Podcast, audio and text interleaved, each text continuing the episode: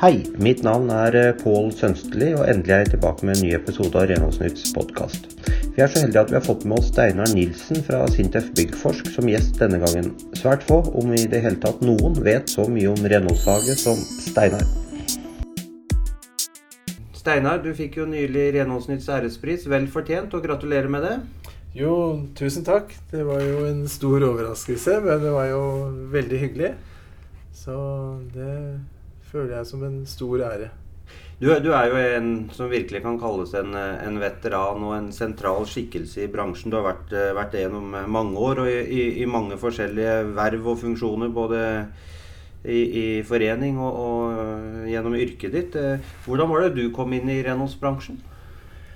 Det var vel eh, litt sånn tilfeldig. Jeg jobba på Hærens forsyningskommando, Forsvaret. Eh, hadde ansvaret for laboratoriet for maling og overflatebehandling. Og, og, så så jeg rett og slett en del som begynte å bli litt kjedelig, eh, ensformig. Så så jeg en interessant stilling hos ISS, for de søkte etter en teknisk sjef som skulle ha universitetsutdanning, helst innenfor kjemi, og som hadde kunnskap om overflater. Og det hadde jeg jo. Og så tenkte jeg det kan være ålreit å prøve seg i private næringsliv. Så jeg hadde jo sett mange ISS-biler, så jeg sa i intervjuet at jeg kjenner ikke ISS så godt. Men jeg vet at dere har mange biler med blå striper som kjører fort. fikk, fikk, du lov til å kjøre noen av de bilene sjøl? Eh, ja, etter hvert så fikk jeg firmabil. Altså vi hadde jo stort sett kjøregodtgjørelse, men eh, siste året hadde jeg firmabil, ja. Mm. Hvor mange år var du i ISS? Og når var det her? Jeg begynte i 86. Mm. Jeg var jo ferdigutdanna i 1980, så jeg jobba seks år i, i, staten. Og så ble det privat næringsliv fra 86. 1. mars, faktisk. I 1986.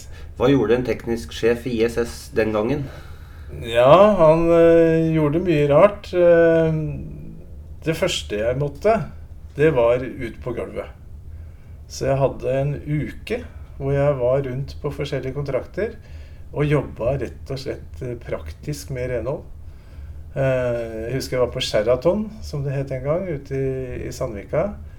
Og der lå jeg og skurte lister i en uh, korridor. Sånn, det var en sånn transportkorridor for ja, mat og alt mulig sånt. Og trilla traller og sånt. Og der var det blitt litt møkkete da. Det likte de ikke, for der skulle det være shiny overalt. Også jeg holdt på å si bak eh, fasaden. Så der lå jeg en natt og jobba. Så det var uh, Lurte du litt på hva du hadde begitt deg ut på da? Eller? Nei, jeg, jeg, visste at dette var opplæring. Og det var jo veldig nyttig for meg å liksom prøve både periodiske arbeider, daglig renhold, forskjellige former for spesialrenhold. For du ble liksom putta ut i alt som var. Men en av de første jobbene jeg fikk, og som kanskje er en av de mest spesielle, det var eh, på Hydro. Eh, vi hadde tekniske ledere i ISS på den tida. Og når det har kommet en ny teknisk sjef, eh, ung spirrevipp med høy utdanning osv., så, så var det en av disse tekniske lederne som gjerne ville trekke meg ut på gulvet så fort som mulig. Altså ut i driften og få mm. løst problemer. Og på Hydro så hadde de da et problem med at moppene råtna. Mm -hmm.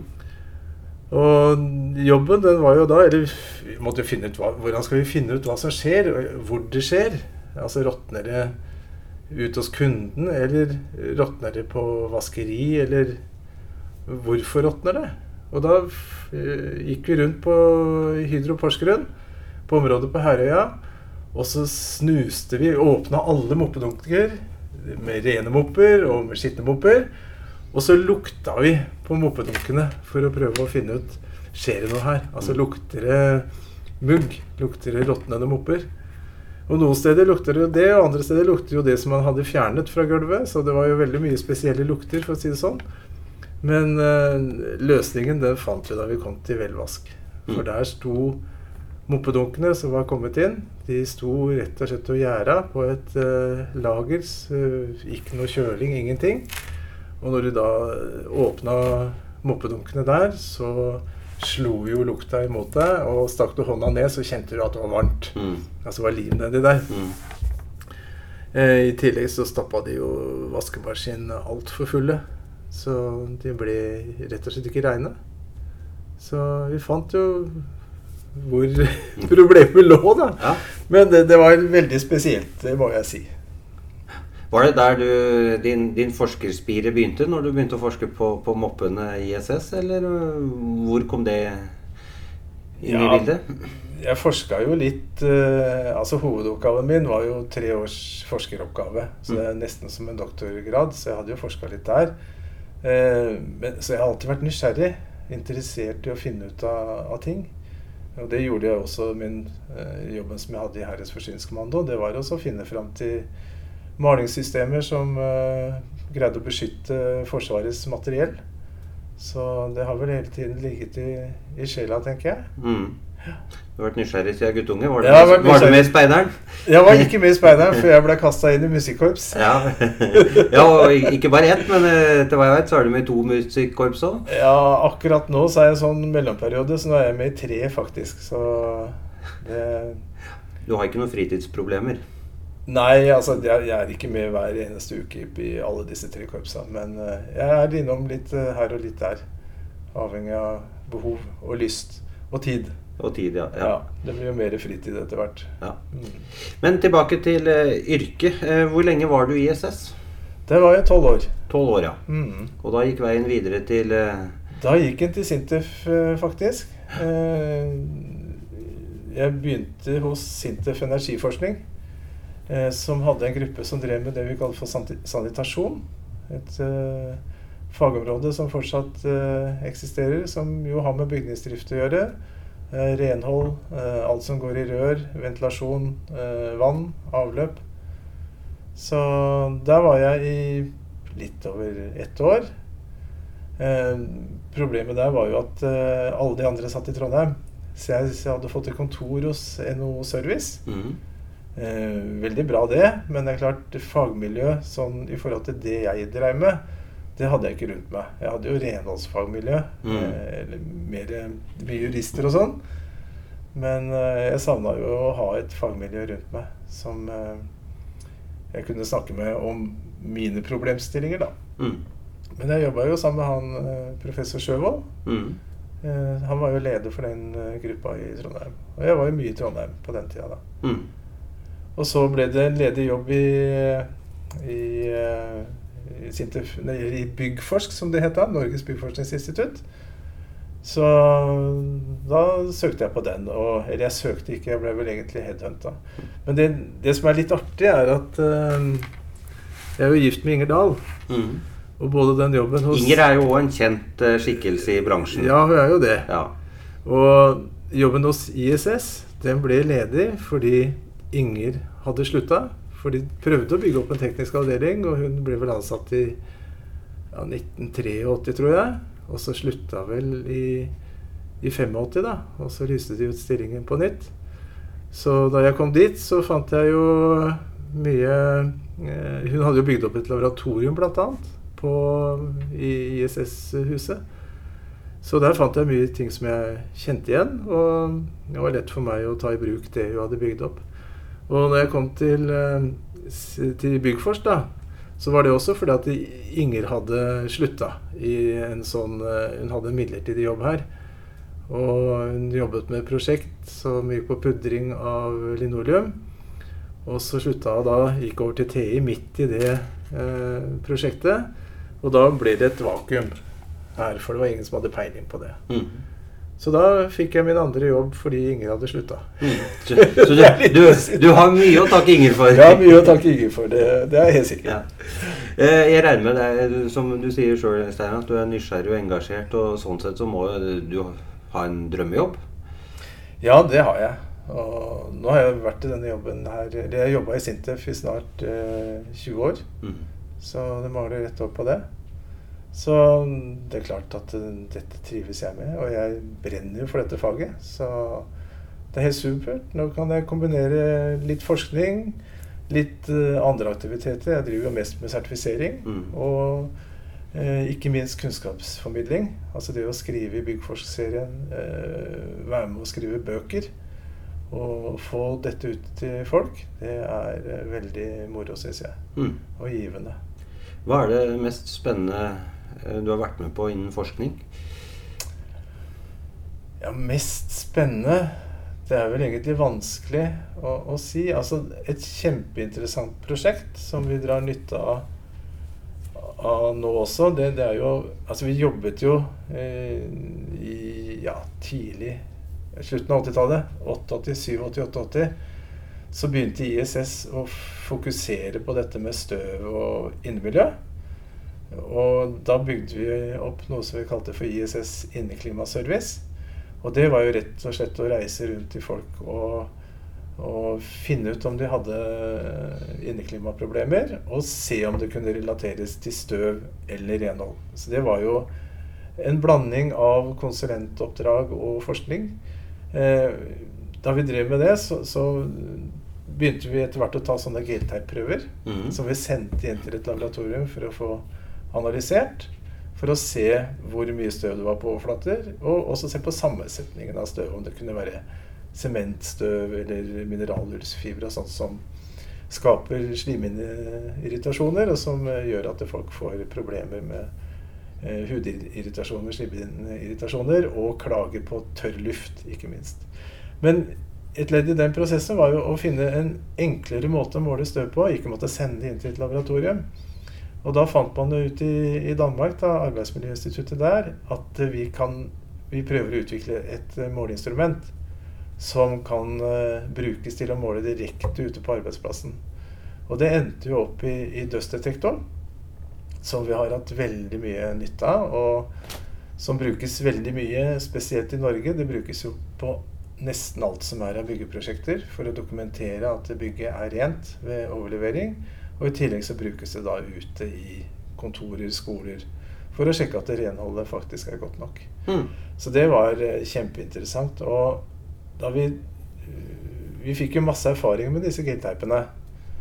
Eh, og tok eh, Vi var ute i Jeg tror vi hadde 200 undersøkelser, faktisk, hvor vi brukte gateteip. Så vi fikk en, en stor database med måleresultater som kunne linkes opp til om det var problemer i bygget eller ei. Og på bakgrunn av det så lagde vi da kvalitetsnivåer for støv på overflater.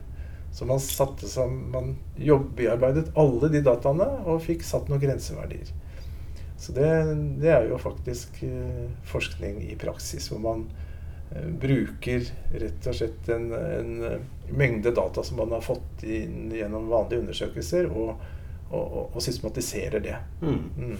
Og forskningen har jo brakt deg utenlands eh, som foredragsholder, og eh, det, har vært mye spennende du har eh, vært med på.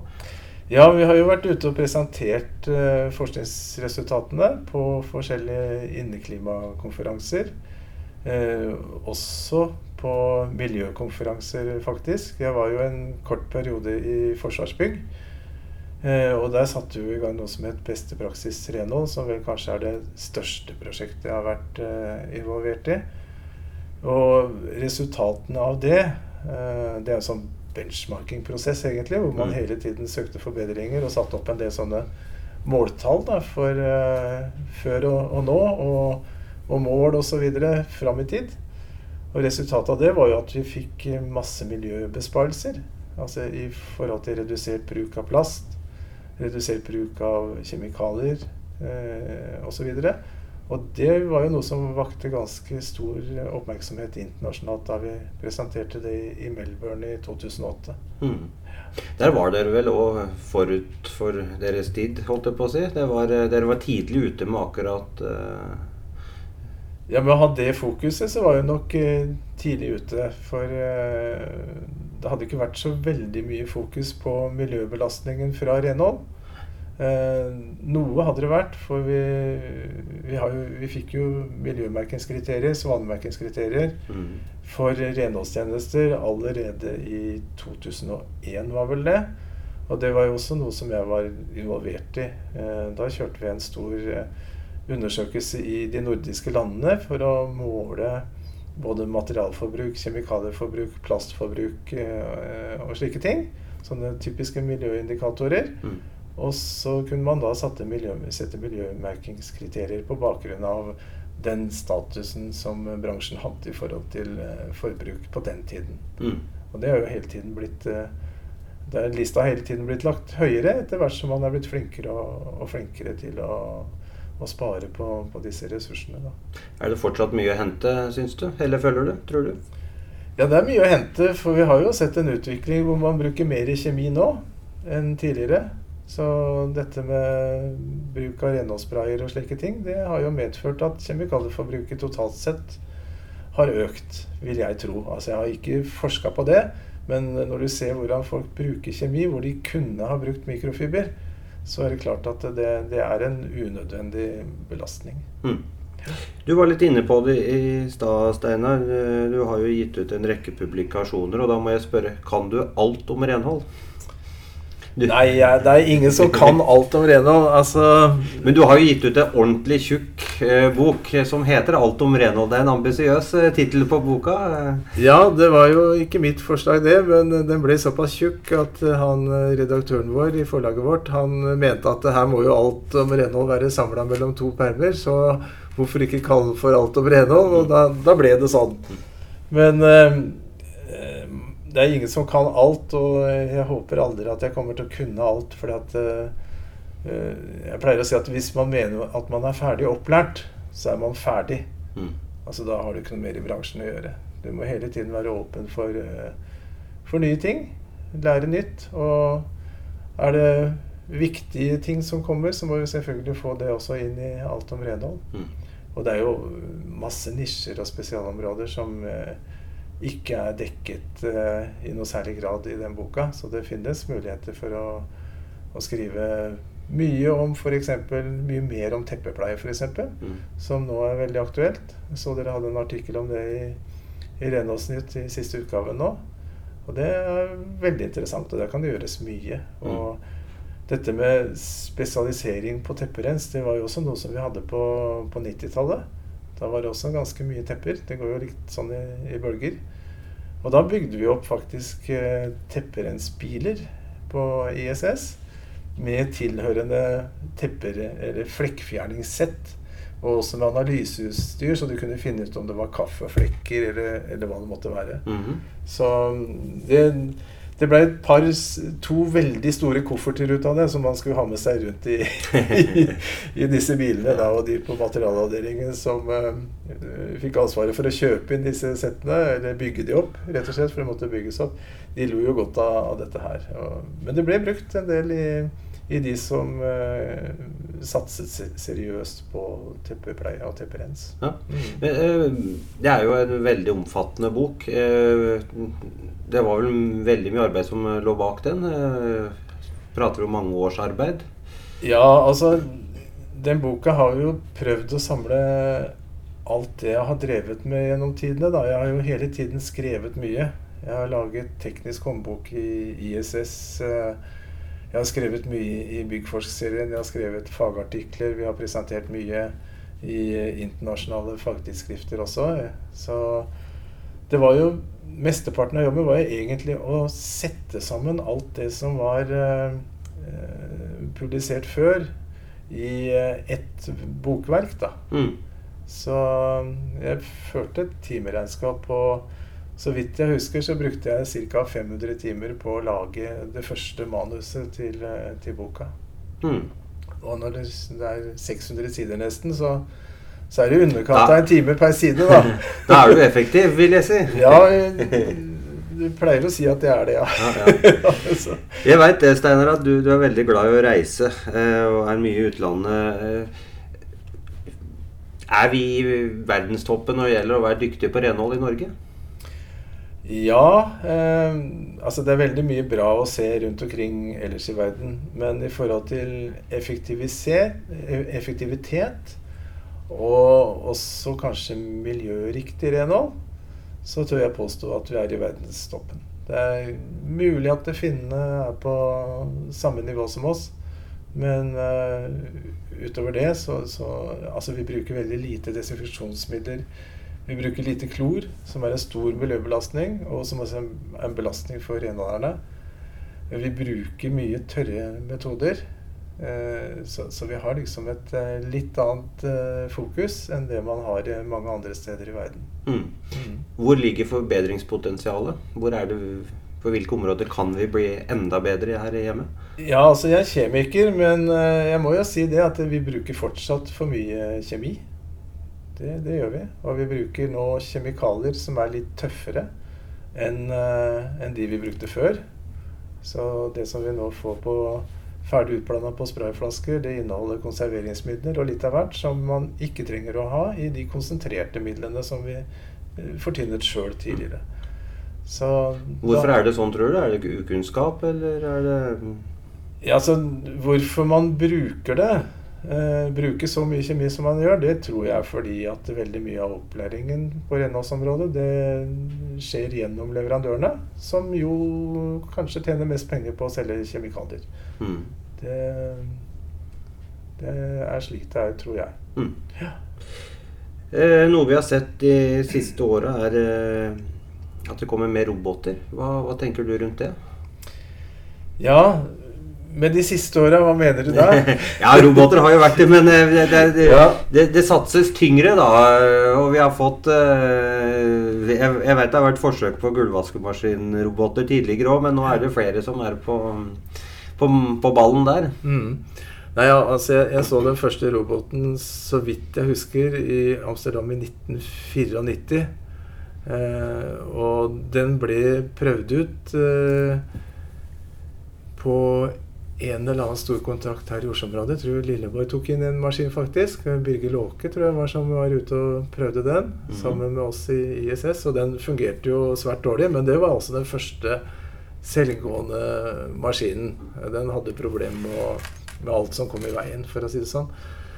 Eh, nå på messa som var sist, så var det jo veldig stort fokus på dette her. Og nå har vi jo fått maskiner som eh, fungerer i praksis. Mm -hmm. Så i hvert fall i forhold til gulvvask, så, så jeg tror det er en framtid i, det. Eh, og, eh, men de kommer aldri til å erstatte renholderne fullt og helt. Eh, Utfordringen nå er jo å få maskiner som er gode på tepper. Mm. Det håper jeg at jeg ser i Amsterdam nå. Eh, de må i så fall være utstyrt med valser, og de må være tunge, sånn at eh, de kommer ned. Og så må de ikke være for klumpete, for de må jo også gjøre rent eh, under pulter og slike steder. Spørsmålet er da, det skal være ganske avanserte styringssystemer for at de skal kunne manøvrere seg rundt i et kontorlandskap, f.eks. Så det blir spennende å se. Men de er nødt til å, hvis de skal fungere i et uh, kontorlandskap, så er de nødt til å, å ha vesentlig mer utviklet uh, teknologi. Uh, og kanskje være gjennom læringsprosesser, sånn at de, kjenner området de skal jobbe på. For at de skal kunne gjøre en, en god nok jobb. Mm. Hvis ikke så må man ta masse manuelt i mm. tillegg. Og det, det, da sparer man ikke så mye tid. Nei. Men uh, det er klart det er tidsbesparende. Og uh, så effektivt på alle måter. Mm. Mm. Mm. Eh, hva er det viktigste som har skjedd bransjen i løpet av dine over 30 år i bransjen? Ja Det er to ting som er viktig. Det ene er vi, at vi har greid å fastsette kvalitetsmål for renhold. Eh, både i forhold til innemiljø og i forhold til det estetiske.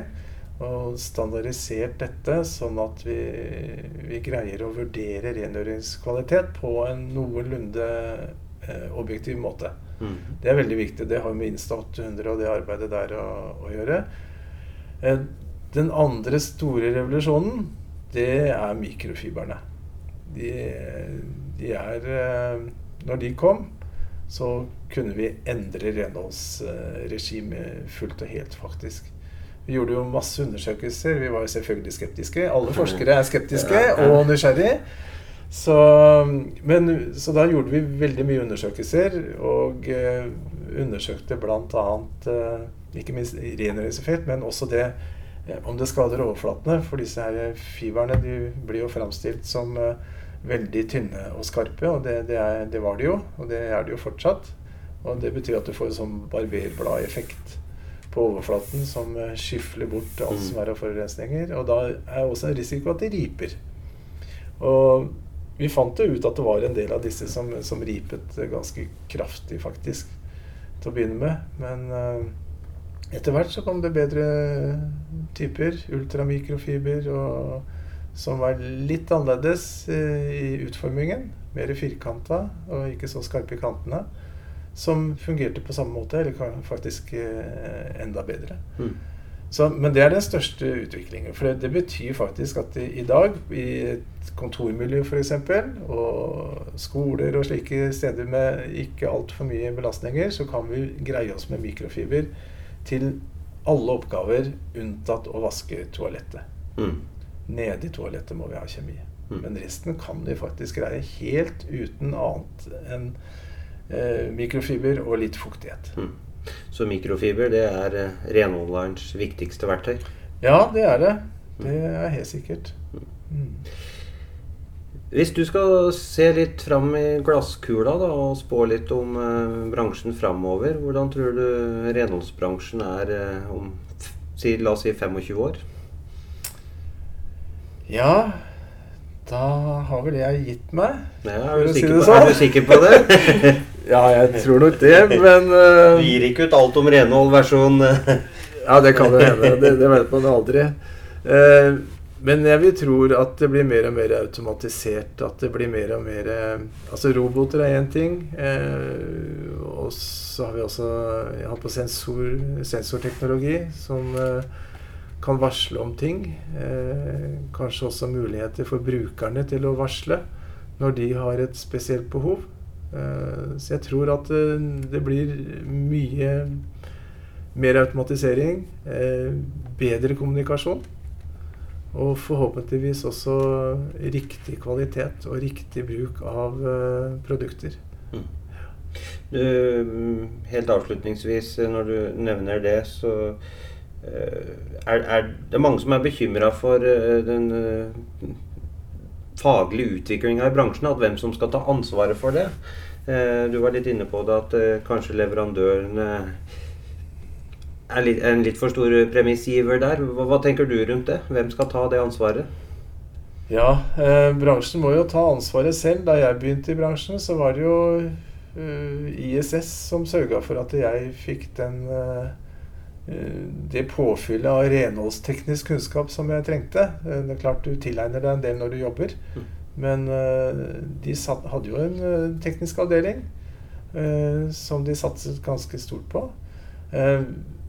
Tidligere så hadde vi også et mye større miljø på husøkonomutdanningen. Altså det var en fem-seks personer ansatt som bare drev med, med facility management-fag. Altså den tekniske delen, faktisk. Altså ikke, ikke økonomi og, og, den delen.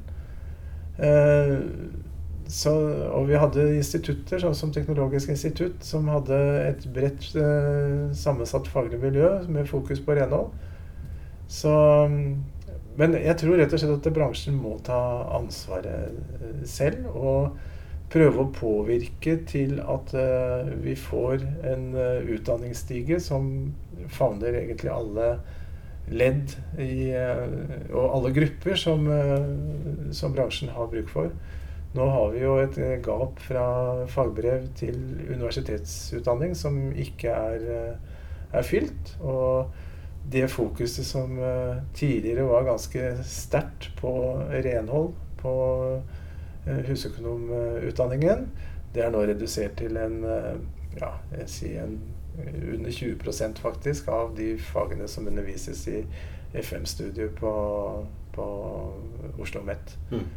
Så um, det er et gap som må fylles. og Jeg tror rett og slett at vi i bransjen vi må sette oss sammen og finne ut hvordan vi kan påvirke myndighetene til å eh, tette det hullet på et eller annet vis. Alternativt så går det an å opprette noen egne jeg å si, faginstitutter. Det har man jo i, i, ja, i Nederland.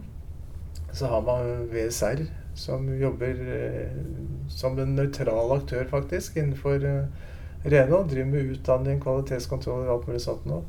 Eh, I England har man hatt et institutt i mange år som jobber med rengjøringstekniske spørsmål. I Finland så har vi den svenske rengjøringstekniske foreningen, som jo jobber med godkjenning av alt som er av metoder og utstyr. Og hvis vi kunne etablere noe tilsvarende her i Norge, finansiert av bransjen og delvis det offentlige, for det, renhold er jo like relevant i stat og kommune som i privat næringsliv, så, så, tror jeg det kan være en, en, vei å gå. Hvis vi ikke finner noen eh, offentlig løsning. Og jeg tror vi trenger et sånt institutt uansett. fordi at eh, vi har jo egentlig ikke noen nøytrale rådgivningsinstitutter per i dag som kan gi råd innenfor renhold. Vi har masse kompetanse, masse enkeltpersoner som uh, hver for seg er uh, renholdskonsulenter, men vi har liksom ikke samla noe fagmiljø noe sted.